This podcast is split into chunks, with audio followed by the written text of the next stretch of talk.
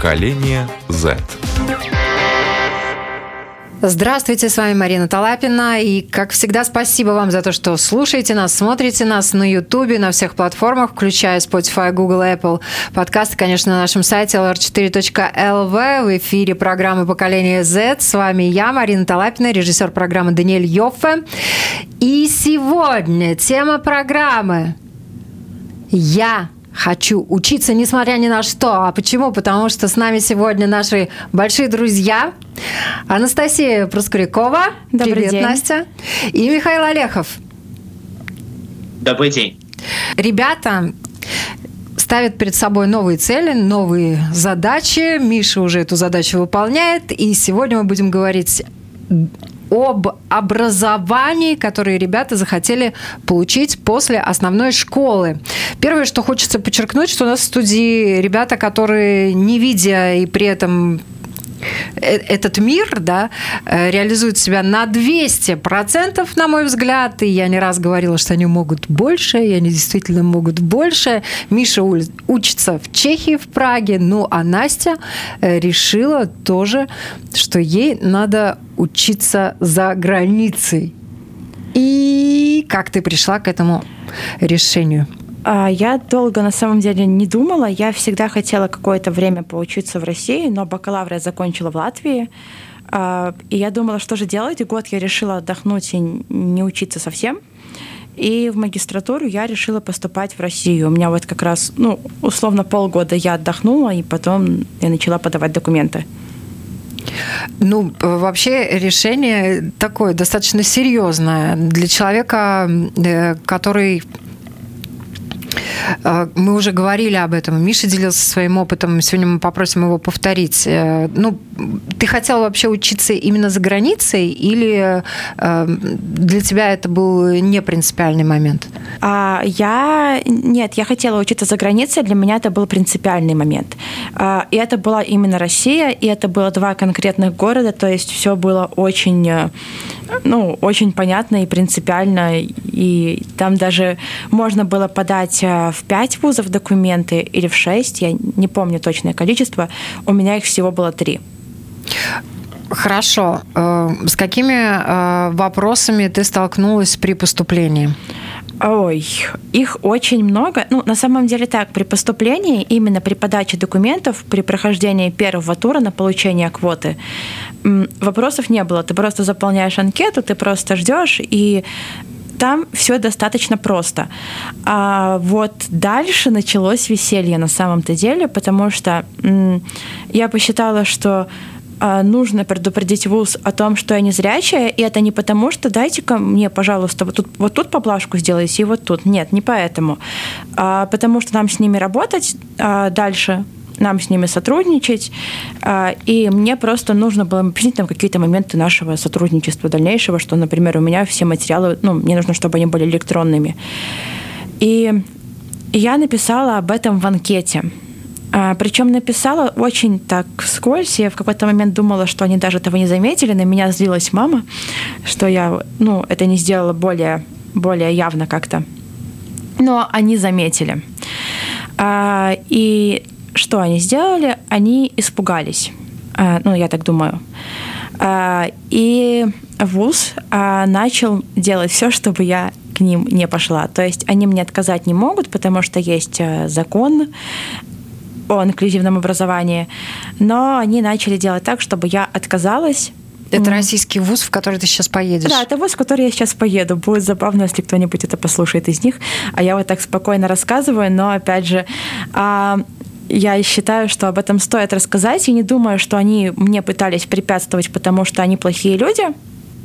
Нет, совсем не поэтому. Они мне пытались препятствовать, отчасти, может быть, это мое мнение, потому что они испугались, они подумали, что мы с ней будем делать. В принципе, нормально подумали, если у них не было незрячих до этого. Э, Тут этот закон, они подумали, сейчас она придет и прицепится, что у нас нет табличек по Брайлю. Не знаю, кстати, есть или нет, я еще там не была. Мне не важно вообще. И что-то еще вот такое. И они отказать мне не могут. Поэтому они начали затягивать процесс подачи документов.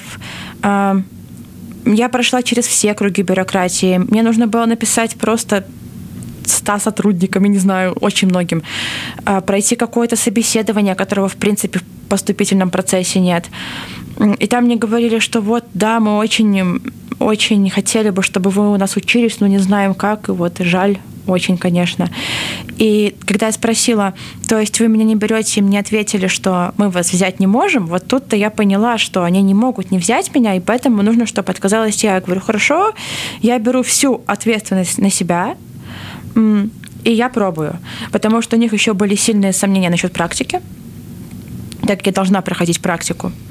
А, и я говорю, хорошо, это я тоже беру на себя, я не буду с вас это требовать, хотя это, ну, они вроде как должны найти мне место, но я тоже буду участвовать в его поиске. Э, Причем я вот это все говорила, я понятия не имею, как я буду искать практику, я не знаю, я просто поняла, что это единственный способ с ними сейчас договориться. Вот. Ну да, сказать, что я часть ответственности за себя незрячую беру на себя. Это, в принципе, вышло, что не часть, а всю ответственность ответственность. И мне кажется, когда ты поступаешь э, вот в другую страну, я не знаю, как это вот сейчас Миша скажет с Чехией, но с Россией это так, а тебе нужно понимать, что тебе никто ничего на блюдечке не принесет. Я бы сказала даже вот действие, оно напротив этому. Ты постоянно пытаешься найти нужную тебе информацию. Тебе отвечают иногда настолько формально, ты читаешь, ты вообще не понимаешь, что себе делать. А, я сегодня перечитывала несколько раз письмо, потому как вообще какие мои дальнейшие действия по приезду в Россию. А, все сложно, ты постоянно все ищешь, узнаешь, спрашиваешь. Ты можешь по сто раз за день звонить, писать, а, потому что на поверхности не лежит вообще ничего. Слушай, вот зная все это, ты, ты, ты, ты не передумала действительно туда ехать? Ну, уже поздно передумывать. Уже слишком много сделано, Передумывать да? надо было в тот момент, когда подавала документы. Очень странно было бы сейчас э, сказать, не, не пойду. Хорошо, давай. Э, на самом деле я заинтригована, что это за вуз и на какую специальность ты поступала? Э, начну со специальности. Специальность реклама и э, общественные связи. Вот. А вуз э, Санкт-Петербургский политехнический университет Петра Великого. Ух, и бедные не знают, что с тобой делать, да? А, но, да. Ну ничего, мы разберемся. Или не разберемся. Варианта два. Будем надеяться, что все-таки разберетесь. Миш, э, поделись вот э, своим опытом, как ты поступал, потому что я знаю, что ты тоже э, перелопатил и выбирал разные колледжи, в которых ты хотел учиться. Да, а, у меня ситуация немного отличается от Настиной, вернее, даже в корне, потому что это не высшее образование, это среднее профессиональное, так как я хотел продолжать развиваться а, в, направ... в музыке, а в Латвии я для себя на тот момент не смог найти подходящих вариантов. Я очень долго искал, куда бы мог я отправиться, а, и вначале это была Финляндия, рассматривалась Финляндия и Великобритания, но в какой-то момент как-то так карты сложились, что, а, что я отправился в Чехию, в Прагу. И я скажу так, что у меня не было таких проблем в коммуникации, они немного были в другой плоскости лежали, потому что а, они отвечали, та сторона, принимающая школу, и была готова к тому, что не сдячь, потому что все-таки это учебное заведение, где я сейчас учусь, оно частично как раз построено на инклюзию, то есть включение людей с, с, с проблемой зрения mm-hmm. в обычные классы. Но ты целенаправленно Но... искал, получается, именно такое э, учебное заведение, да, которого в Латвии, к сожалению, на сегодняшний день нет. Нет, я не искал именно, чтобы оно было для людей с проблемой зрения доступно. Я именно искал музыкальное, где бы меня приняли.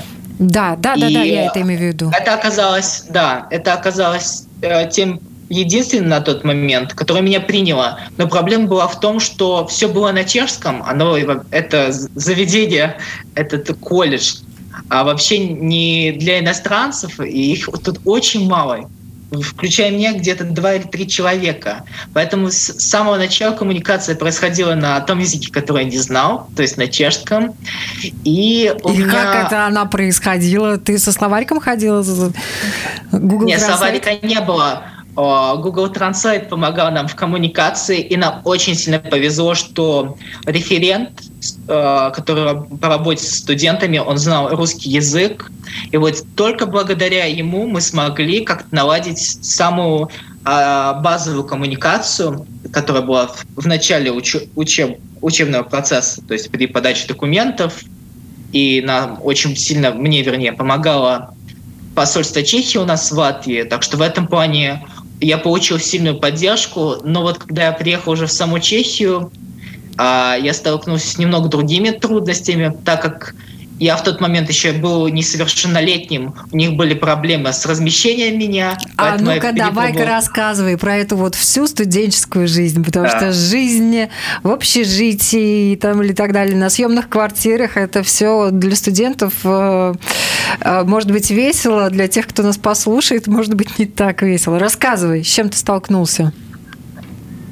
А, ну, во-первых, это у меня был, когда я приехал 1 сентября, и у меня был первый учебный день, я пришел на свою первую сессию и понял, что ничего не понимаю, потому что все на чешском, а оказалось, что в Чехии любят еще а, использовать разные сокращения, и все было, какие, все какие-то сокращения использовали, все говорили на чешском очень-очень быстро.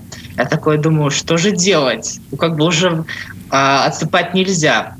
И у меня первые полгода был именно адаптационный период а, в плане языка. Но кроме того, как я уже говорил, а, у меня были проблемы с, с общежитием, потому что школа, она все-таки средняя, это не университет, поэтому у них общежитие как-то по-другому классифицируется, как для тех, кому нет еще 18. То есть они, эта школа берет ответственность этих детей, то есть за молодежь, которая у них размещена. И поэтому, когда была рабочая неделя, то есть с понедельника по пятницу я мог у них оставаться, а на субботу и воскресенье, к сожалению, нет. Они мне так говорили, мы бы хотели, но законом запрещено. А, и То я есть искал... ты пять дней в неделю мог находиться в общежитии, и два дня в неделю ты в общежитии находиться не мог?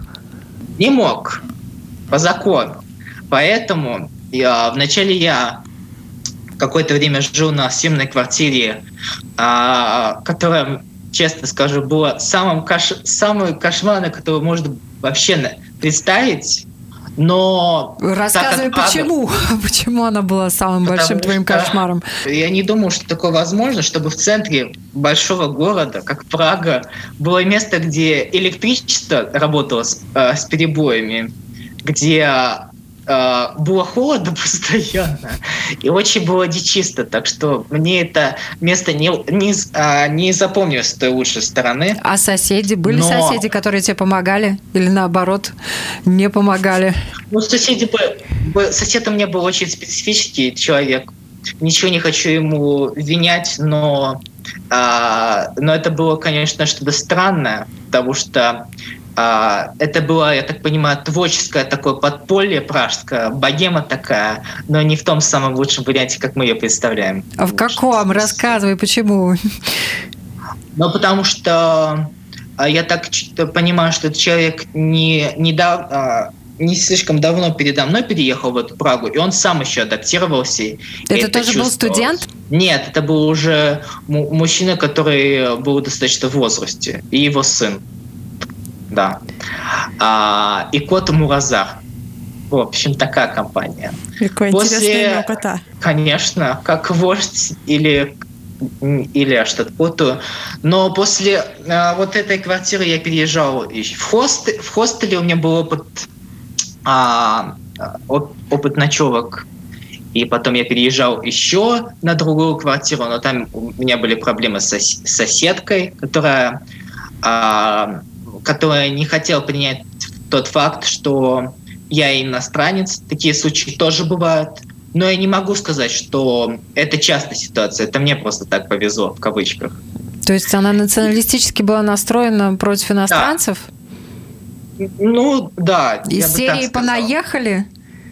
Из серии «Понаехали» и, и еще больше. А как, как проявлялось это? Что она творила, что она говорила, что она делала? Ну, а у нас достаточно часто возникали конфликтные ситуации на ровном месте, и где бы можно было бы миром договориться, там а, там больше это переходило просто в какие-то скандалы. А Она, помню, это была молодая женщина или уже в возрасте? Нет, эта женщина уже была еще больше, уже более стар, она была достаточно старше, чем я.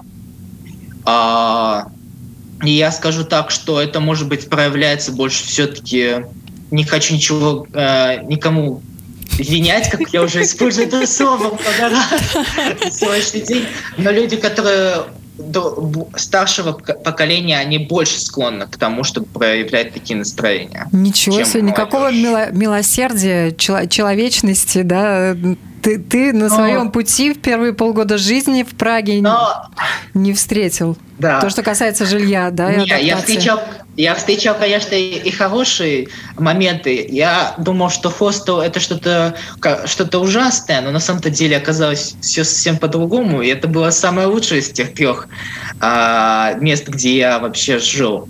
Ну и после всех, всех этих приключений а, введение локдауна и опять же его снятие, я переместился в другое общежитие, которое опять же не было моей школы, она была одного местного университета технического. Я им благодарен, конечно, за такое чудесное место, за такую локацию, потому что Прага по праву может, может считаться одним из самых дорогих город, городов в Европе по стоимости жилья но проблема была в том, что они не захотели меня посчитать студентом, и я платил очень большие деньги за то, что жил в комнате с еще одним человеком. Будучи несовершеннолетним еще, да, к тому же? Будучи несовершеннолетним, да. Угу. Но ну... и под конец всей, всей этой истории я наконец-то, мне в прошлом году исполнились эти 18 лет, которых я очень долго ждал. И не только из-за того, что а, как, как многие подумают, подумают а, после 18 начинается свобода и, э, и все вот эти дела, которые молодежь много дум, представляет. Но на самом-то деле реально легче, когда ты можешь подписывать сам бумаги, и тебе не, на, не надо а, искать человека, который за тебя это сделает. И вот с этого года уже, с сентября, мне реально повезло, я так думаю, я живу в школьном общежитии. И по выходным так, тоже, да? И по выходным тоже. Какой Но Настя, у тебя есть тоже опыт жизни в общежитиях, и тебе предстоит э, где-то поселиться и в России тоже для того, чтобы учиться в университете. Понятно, надо где-то ночевать и учиться. Свой опыт рассказывай, и то, что касается жилья в России, с чем ты уже столкнулась. А, начнем с того, что сейчас такое время, э, когда пандемия очень влияет на нас, и в данном случае я не исключение, поэтому первые дни у меня уйдут на карантин. А, карантин, на карантин нас обеспечивают э, местом а, проживания, э, то есть мы э, будем жить в общежитии.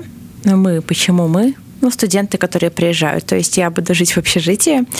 А, что интересно, это правило жизни в общежитии. А, там есть очень классный пункт. А, студент обязуется делать влажную уборку номера два раза в день. А я почему г... два раза в день? Я говорю, я за три дня сделаю уборок больше, чем за два месяца жизни здесь. Влажных. Хорошие привы... привыч... привычки к вам, вам прививают. Да, но, но это, наверное, во время карантина, может да, быть. Да, там нужно проветривать. Да, это именно во время карантина ты должен проветривать, там делать уборку и все такое. А я на самом деле хочу жить в квартире, но когда ты иностранный студент, который едет в Россию, это все очень сложно. Поэтому как там получится, я не знаю. То есть даже есть квартира, но там именно проблемы юридические у нас будут. Однозначно. Как, как у гражданина Латвии, да, как у гражданки Латвии. Скорее, как у человека, у человека, у которого нет вида на жительство в России. Э, и, ну вот, скорее с этой стороны. Тут даже не проблема, что я э, какой страны я гражданка. Вообще не важно. Из любой страны, когда ты приезжаешь, это достаточно сложно. Но ты, если приезжаешь на учебу, у тебя есть возможность получить временный вид на жительство, и ты наверняка его будешь получать, а, да, правильно? для этого нужно зарегистрироваться по месту проживания. Если это квартира, то в квартире, но это очень сложно. Ну, почему сложно? Потому что много опять бюрократии, ты должен пойти заполнить огромную анкету за 7 дней. Тот, у кого ты живешь, тоже должен ее запомнить, запомнить, заполнить. И после каждого твоего выезда нужно это делать заново. Ну, то есть вот я съездила домой, приехала, и все снова. А, Поэтому в этом плане проще общежитие. Что стоит сказать, что общежитие там правда недорогое едете все жить в общежитии в Россию, да? Я вот, опять же, очень настороженно отношусь, потому что мы сейчас вернемся к моему опыту проживания в общежитии. Я жила в разных, а, и были те, в которых я не жила. А, я просто приехала, и стоило оно не, не 15 евро на наши деньги, как там. А там, если перевести, 15-60 на наши деньги общежитие стоит в России в месяц, представьте. А я приезжала здесь в общежитие, которое стоит 60 евро, э, когда поступала в Латвийский университет, и моя мама сказала, нет, мы тебя здесь не оставим, потому что даже в мои времена не было так плохо. То есть... Такое замечательное а, общежитие у нас, да? Да, такое замечательное общежитие было на улице Буллю. Я, я надеюсь, что у них все стало лучше, но 4 года назад я поняла, что я там не останусь, потому что если вдруг мы встретимся с тараканом, а если, как вы понимаете, встретиться мы с ним можем только вот э, тактильно, то, то я поняла, что в этой, в этой общежитии будут еще одни проблемы. От моего крика, наверное, у них там стекла повыпадают, и как бы, ну, не надо. А, я поэтому не знаю, куда я приеду, что меня ждет. Я очень надеюсь, что там там более или менее неплохо. А потом смотрю на цену, и есть у меня сомнения. Ну, э, все будет так, как будет, и я надеюсь, что мы продолжим э, общение, и ты расскажешь уже непосредственно, может быть, через э, полгода, как у тебя проходит вся эта учеба. Ну, студенческая жизнь, она достаточно насыщена, да, и в общежитии, и не в общежитии, и в школе. Вот, ну, с чем вы еще сталкивались? С какими терниями? Несмотря ни на что, почему, Миш, ты продолжаешь учиться? Это хороший вопрос. Я его себе часто задавал, почему я продолжаю учиться. Наверное, потому что я человек такого склада, что если я поставил себе цель, то есть закончить среднее образование профессиональное по музыке, то мне кажется, что на половине пути уже сворачивать нельзя. И для меня это, честно говоря, такой очень сдерживающий фактор, когда бывают моменты сложные, ты задумываешься о том, что если ты поставил цели, ты к ней не дошел, ну зачем тогда, как тогда будет с другими, с, э, с будущими с твоими целями, приоритетами? А ты планируешь потом пойти в консерваторию, например? Получить высшее музыкальное образование? Сложность заключается в том, что, а, во-первых, консерватория уже мое училище называется. В Чехии все по-другому, все наоборот. А во-вторых, высшего учебного заведения по аккордеону, так как я играю на аккордеоне, то для меня это основное. Его просто нету в Чехии. И поэтому даже если я решу продолжать обучение, получать высшее образование по музыке, это все равно будет какая-то другая страна. Ну, в другой стране, да, но ты еще пока не решил, не определился, да, продолжишь а, ты обучаться или нет? Для меня это сейчас достаточно сложный вопрос, потому что э, все зависит от ситуации, как она будет развиваться. И в наше время, как уже говорила Настя, мы очень, э, мы очень зависим от пандемии, и это я тоже чувствую.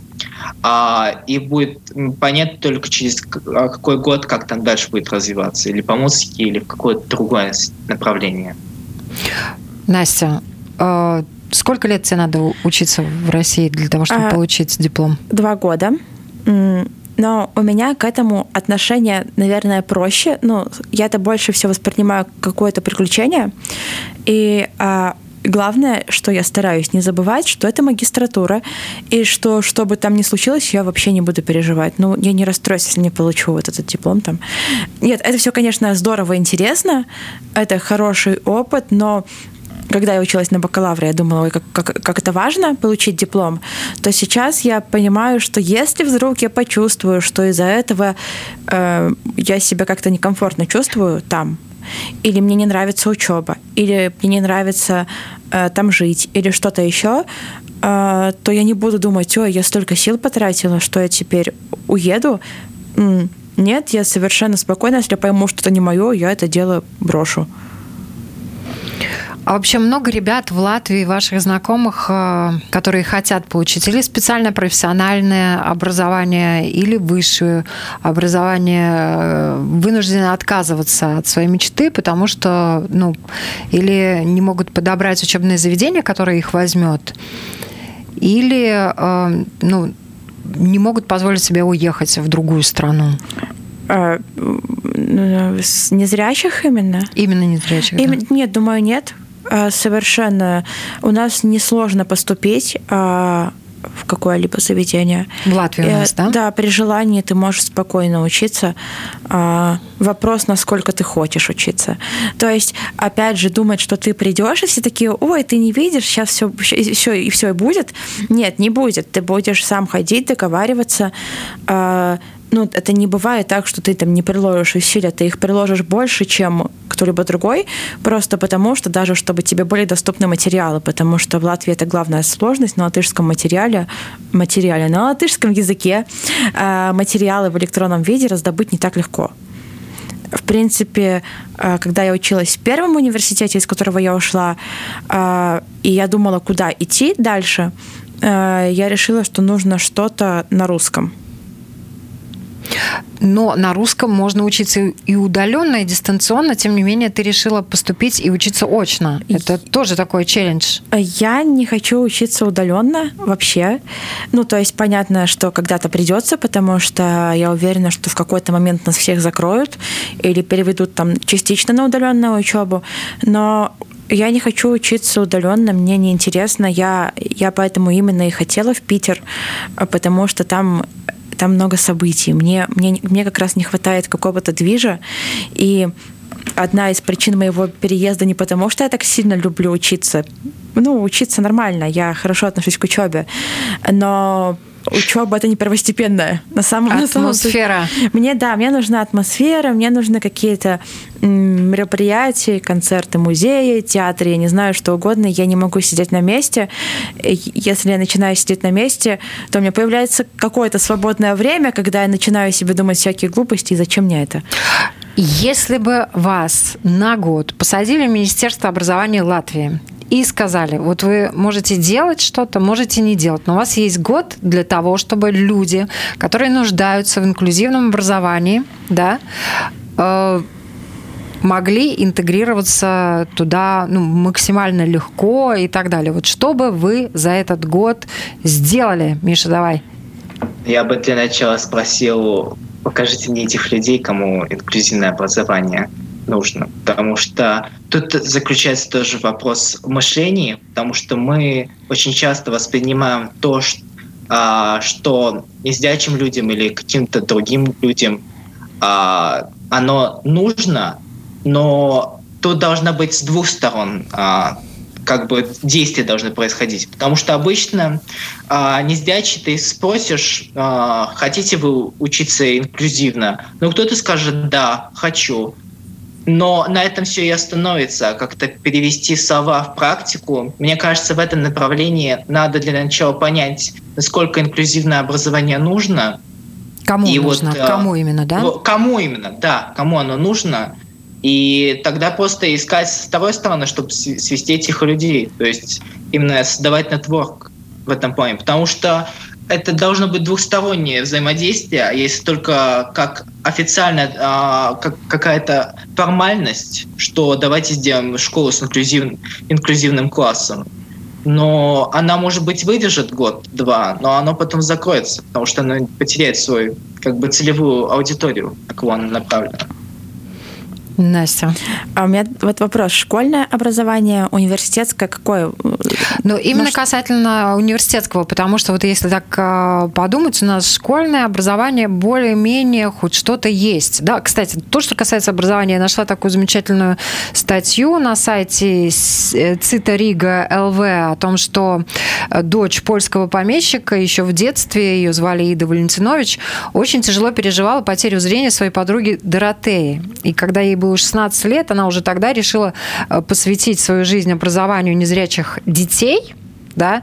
И в 1871 году Ида отправилась в Кёнигсберг, там находился институт незрячих, и она в течение года освоила методику обучения незрячих детей, и э, уже в 1972 году приехала в Ригу и открыла начальную школу для незрячих детей на улице Звану это была первая школа в Балтии для незрячих, и это был 1872 год, можете себе представить.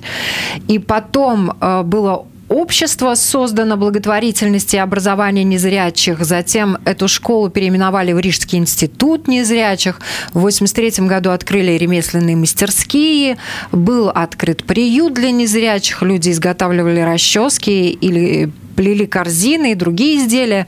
В начале 20 века незрячие ремесленники свои изделия демонстрировали на разных выставках регулярно, да, а в конце 19 века и в начале 20 при институте были созданы хоры духовные оркестры. И, кстати, в 20-30-х годах э, прошлого века медленно, но уверенно улучшился уровень жизни инвалидов по зрению в Латвии, да, это все у нас в стране и в Риге. И в это время интеллигентные безработные, кстати, так интересно там написано, и сами незрячие переписывали множество книг письменностью Брайля. И в советское время мастерские ремесленни, ремесленников были переделаны в рижское учебное и производственное предприятие, причем была создана даже типография письменности Брайля, а в 80-х годах 20 века был построен микрорайон с жилыми домами, клуб клубными магазинами и пунктами бытовых услуг в Риге.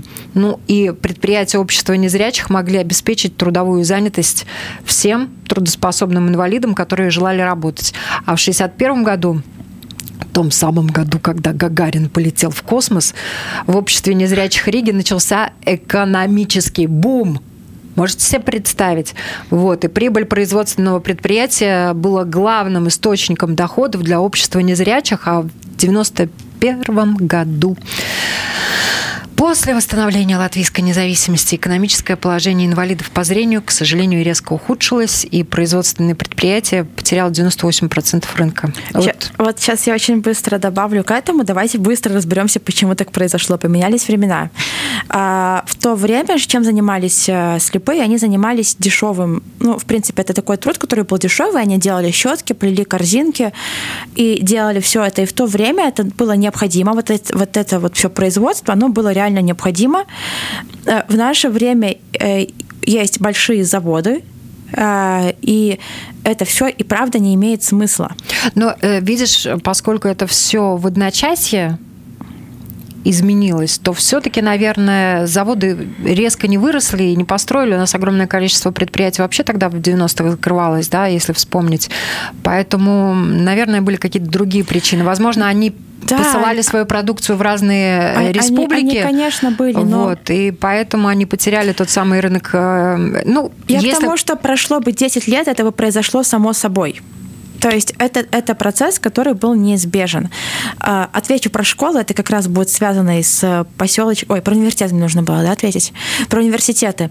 А, если бы э, я а, год была в Министерстве образования, то я бы скорее этот год э, провела за таким занятием, как э, семинары для работников университета в данном случае, что делать, если к ним пришел незрячий студент, потому что Сейчас все делают по, по наитию, как, ну, как, как знают, никто их этому не обучал, нету никакой методички, вот что им делать. Их этому не обучают. А если говорить про школьное образование, со мной многие не согласятся. Я считаю, что до какого-то определенного времени ребенок должен учиться в специализированной школе, а, потому что пока в обычной школе а, хорошее обучение в большинстве школ, сейчас Миша скажет, я же учился, но я говорю про большинство массовых школ, обеспечить не смогут. Потому что в классе там сколько, 30 детей, у нас еще сейчас удаленка есть. А чтобы ребенок вырос грамотным, ему нужно знать Брайль. Это обязательно. И те, кто говорят, что это не так, значит, что они не изучали вопрос, и ребенок, который незрячий с детства, он обязан знать Брайль, это не вопрос выбора. И э, вот, ну, если мы вернемся к поселку, про который мы говорили, э, это, конечно, здорово, но во взрослой жизни я считаю таким местам не место, потому что местам не место. Смотрите, как у меня интересно. Э, получается, потому что это гетто. Ну, ну да. Вот, вот для меня это гетто. Там до сих пор, кстати, дома, живут незрячие люди, они получают там возможность жить, а, можно получить квартиру, это все есть. Но вот сам поселочек, он же никуда не делся. Ну, я не знаю, для, насколько это хорошо для взрослого человека а, с точки зрения социализации. Думаю, что плохо.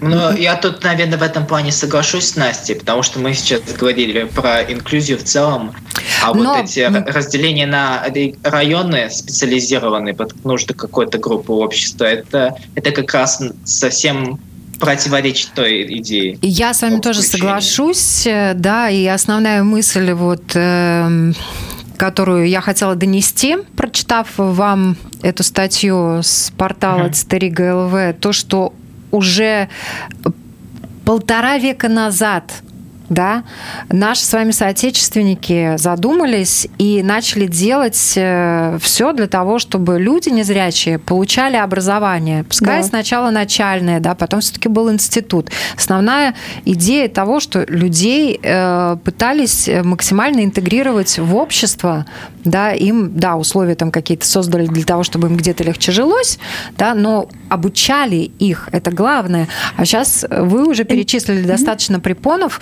э, которые перед вами возникли, когда вы захотели получить высшее образование а... и специальное профессиональное в Мишином Я... случае. А института зачастую не было. То, что называется институтом, это было основное образование.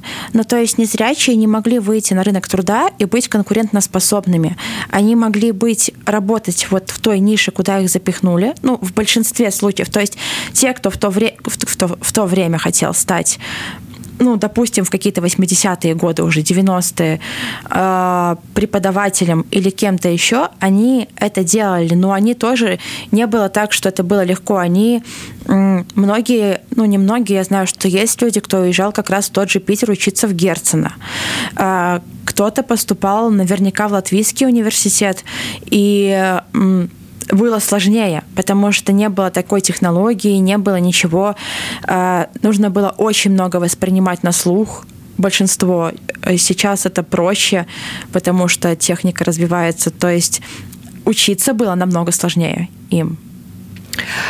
А вообще вот, если так взять, мы поговорили про Министерство образования, если бы реально э, вам предложили работать в ну, в чиновичьем аппарате, да, для того, чтобы что-то изменять. Вы бы захотели туда пойти или вы хотите в другие сферы э, себя, в других сферах себя реализовать? Точно нет. Я бы не хотела. А, а по... ты имеешь... Вот нет. Обоснуй, Настя. Не, а, обоснуй, да, Настя. обоснуй. А Почему? Потому что а, я, во-первых, я, мне не сильно это все нравится. А, во-вторых, а, ты по-любому должен принимать какие-то решения. Ты, ты, не будет такого, что ты придешь, станешь чиновником и и ты изменишь мир. Ты будешь, да, постепенно что-то двигать в ту сторону, но по-любому достичь, наверное, того идеального результата у тебя не получится, поэтому я скорее нет, я не хочу. Ну и мне не интересно это. Ты не веришь в чиновников, а может быть, Миша верит? Я не верю в себя в роли чиновника. Давай. У меня слишком мало, мало опыта, чтобы отвечать на этот вопрос. Ви, ви, Хорошо. Мог бы я быть или а другой вопрос вот. Э, противоположный. Ты бы хотел полететь в космос? Космос? В прямом смысле, на полном а, серьезе. Представь, ты будешь первым слепым э, из Латвии. Ну, я не знаю, первым или в мире, но первым слепым из Латвии, кто полетел в космос. Звучит увлекательно. И Чехии. Чехии тоже. Слушайте, а еще, знаете, такой вопрос странный у меня родился. А если бы вот э, у людей, вот как от коронавируса пропадает вкус и э, обоняние, пропадало бы на какой-то промежуток времени зрение? Вот... Я бы сошел с ума. А, да, это хотела сказать, что в психиатрических больницах было бы, конечно, ну, пере, они были бы, были бы перенаполнены просто. Э, во-первых, и в тот момент, когда это зрение ну, пропало бы у людей, а потом представьте, какие панические атаки бы были у людей, когда оно возвращалось бы. Но это могло да. изменить мир? Нет. Сделать бы его Нет. более сумасшедшим, приспособленным. Сумасшедшим, только и всего. Я думаю, я думаю, еще больше начали бы люди бояться, да. потому что Потому что и так в Кого большинстве боятся? сам- А может быть, они наоборот на такой случай как раз бы начали подстраховываться Нет. и думать об инфраструктуре, Нет. Нет. о развитии и Нет. так далее. Нет? Точно нет, потому что люди бы проецировали, они вот бы вспомнили, как им страшно было ослепнуть на эти три с половиной дня, А, потому что за три с половиной дня ты не переделаешь мир, ты будешь бояться эти три с половиной дня, и ты явно не будешь думать, так, как же мне теперь слепому жить? Ты будешь думать, верните зрение, включите свет, ну сделайте хоть что-нибудь. Но если бы зрение пропадало, допустим, там не на три с половиной дня, у некоторых э, обоняние и э, Нет, пропадает равно на месяц, на неважно, полтора, на два. Неважно. Все равно. Э, Нет, это еще бы усугубило. И так я всегда прошу людей, не примеряйте на себя. Я не вчера потеряла зрение, и даже не позавчера. А Для меня это не проблема. Вы очень часто люди представляют, вот как они, ну, даже неосознанно сразу представляют а, на месте меня себя. Не надо это делать. У меня, у меня все хорошо. Если у вас пропадет зрение, у вас все будет плохо. Это нормально. Если у меня появится зрение, у меня тоже будет все плохо. Это тоже нормально. Как бы вот так. Миш, твое мнение, ты полностью согласен с Настей? Или есть Не, ну тут, тут, варианты? тут я сог- Нет, Марин, я тут согласен с Настей, потому что, а, как она уже говорила, а, проецируют люди на себя. И если это не добровольно происходит, а как это может быть добровольно? То это будет э, только связано с негативными эмоциями, больше и больше люди будут, еще больше будут этого бояться. Ну и как Настя говорила, что на себя пример, примерять смысла нету, когда мы говорим, ой, как сложно или тяжело. О любой инвалидности. Что, о любой, да. Мы, например, не можем представить, как как себя воспринимают люди с какими-то ментальными а, отклонениями, или с, или с ДЦП. Если бы у меня сейчас э, перестали работать руки, я бы очень сильно испугалась. Поверьте мне, я бы не думала, как сделать э, мир лучше, я бы думала, как же мне сделать, чтобы руки-то обратно включить. Просто есть водные условия, и если человек с ними рождается, то он немного по-другому воспринимает, и у него то, что нормально, оно немного отличается. Надеюсь, я как-то передал свою мысль. Да, то есть но, но у нас другая норма. Для любого нормального человека не видеть это не норма. Так же, как для меня не ходить не норма. Поэтому если я не смогу ходить, мне будет явно тяжело. Учитывая, что не смогу ходить и видеть, мне будет вдвойне не весело. Такие случаи тоже есть на самом-то деле. Но для тех, кто не видит и на инвалидной коляске, они не живут, они думают каждый день, бедный и несчастный. Они живут так же, как и мы. То есть для меня это будет проблема, для него это нормальная жизнь. В завершении нашей беседы советы бывалых для тех ребят, которые, может быть, нас слушают и хотят э, пойти учиться дальше после школы, но им требуется инклюзивное образование. Таких три емких совета от Миши, коротких, и от Насти. Миш, давай. Uh, у меня не будет трех советов, к сожалению, у меня будет один. Я не хочу советовать выходить из зоны комфорта, так как все равно человек это будет делать, и это уже все твердят нам, выходите из зоны комфорта. Я хочу только сказать то, что если ты хочешь получить uh, высшее образование или какое-то другое, то инициатива должна исходить только и от тебя. И ты не можешь надеяться, что тебе на блюдечке подадут. С голубой кремочкой тебе подадут. Все приспособлено. У меня будет очень совет. похожий совет. У меня тоже не будет трех. А я только хочу сказать, помните, пожалуйста, пожалуйста, что инклюзивное образование создают не кто-то там наверху, не, не правительство, не кто-то, а это ответственность каждого человека лично. Если ты хочешь, ты будешь учиться. Если ты не хочешь, то в принципе всем остальным все равно, и ты не будешь учиться. А ждать нет, не стоит. Берешь сам и делаешь. А если бы у нас в Латвии была возможность вот получать достаточно интересных материалов для обучения на русском языке, Миш, были бы какие-то учебные заведения, которые могли бы тебя принять, чтобы ты получил среднее профессиональное образование по музыке, вы бы остались здесь в Латвии? Тут начинается уже следующий момент, это поиск работы, то, то что очень связано с образованием, и это, это, это тема, которую можно уже дальше продолжать дискуссию нашу. Ну, значит, продолжение а я следует. Нет, я нет, потому что я еду не за не столь, не столь за, за образованием. Я хочу пожить в другой стране. Мне принципиально это важно, и я считаю, что стоит попробовать. Если бы я хотела найти что-то в Латвии, я бы это, несомненно, нашла. Спасибо вам за этот разговор. Продолжение следует. Мы обязательно еще не раз поднимем эту тему. И для меня вот сегодня такой инсайт, что вообще страшна не слепота незрячего человека, а слепота общества, которое, например, не хочет видеть каких-то вещей явных, с которыми люди сталкиваются. Вот из разговора и рассказа Миши о том, с какими э, проблемами он столкнулся в тех же общежитиях и на квартирах, это, конечно, и в хостелах. Э, люди, оставайтесь людьми. Всем нам прозреть и сердцем, и душой. Всем хорошего дня!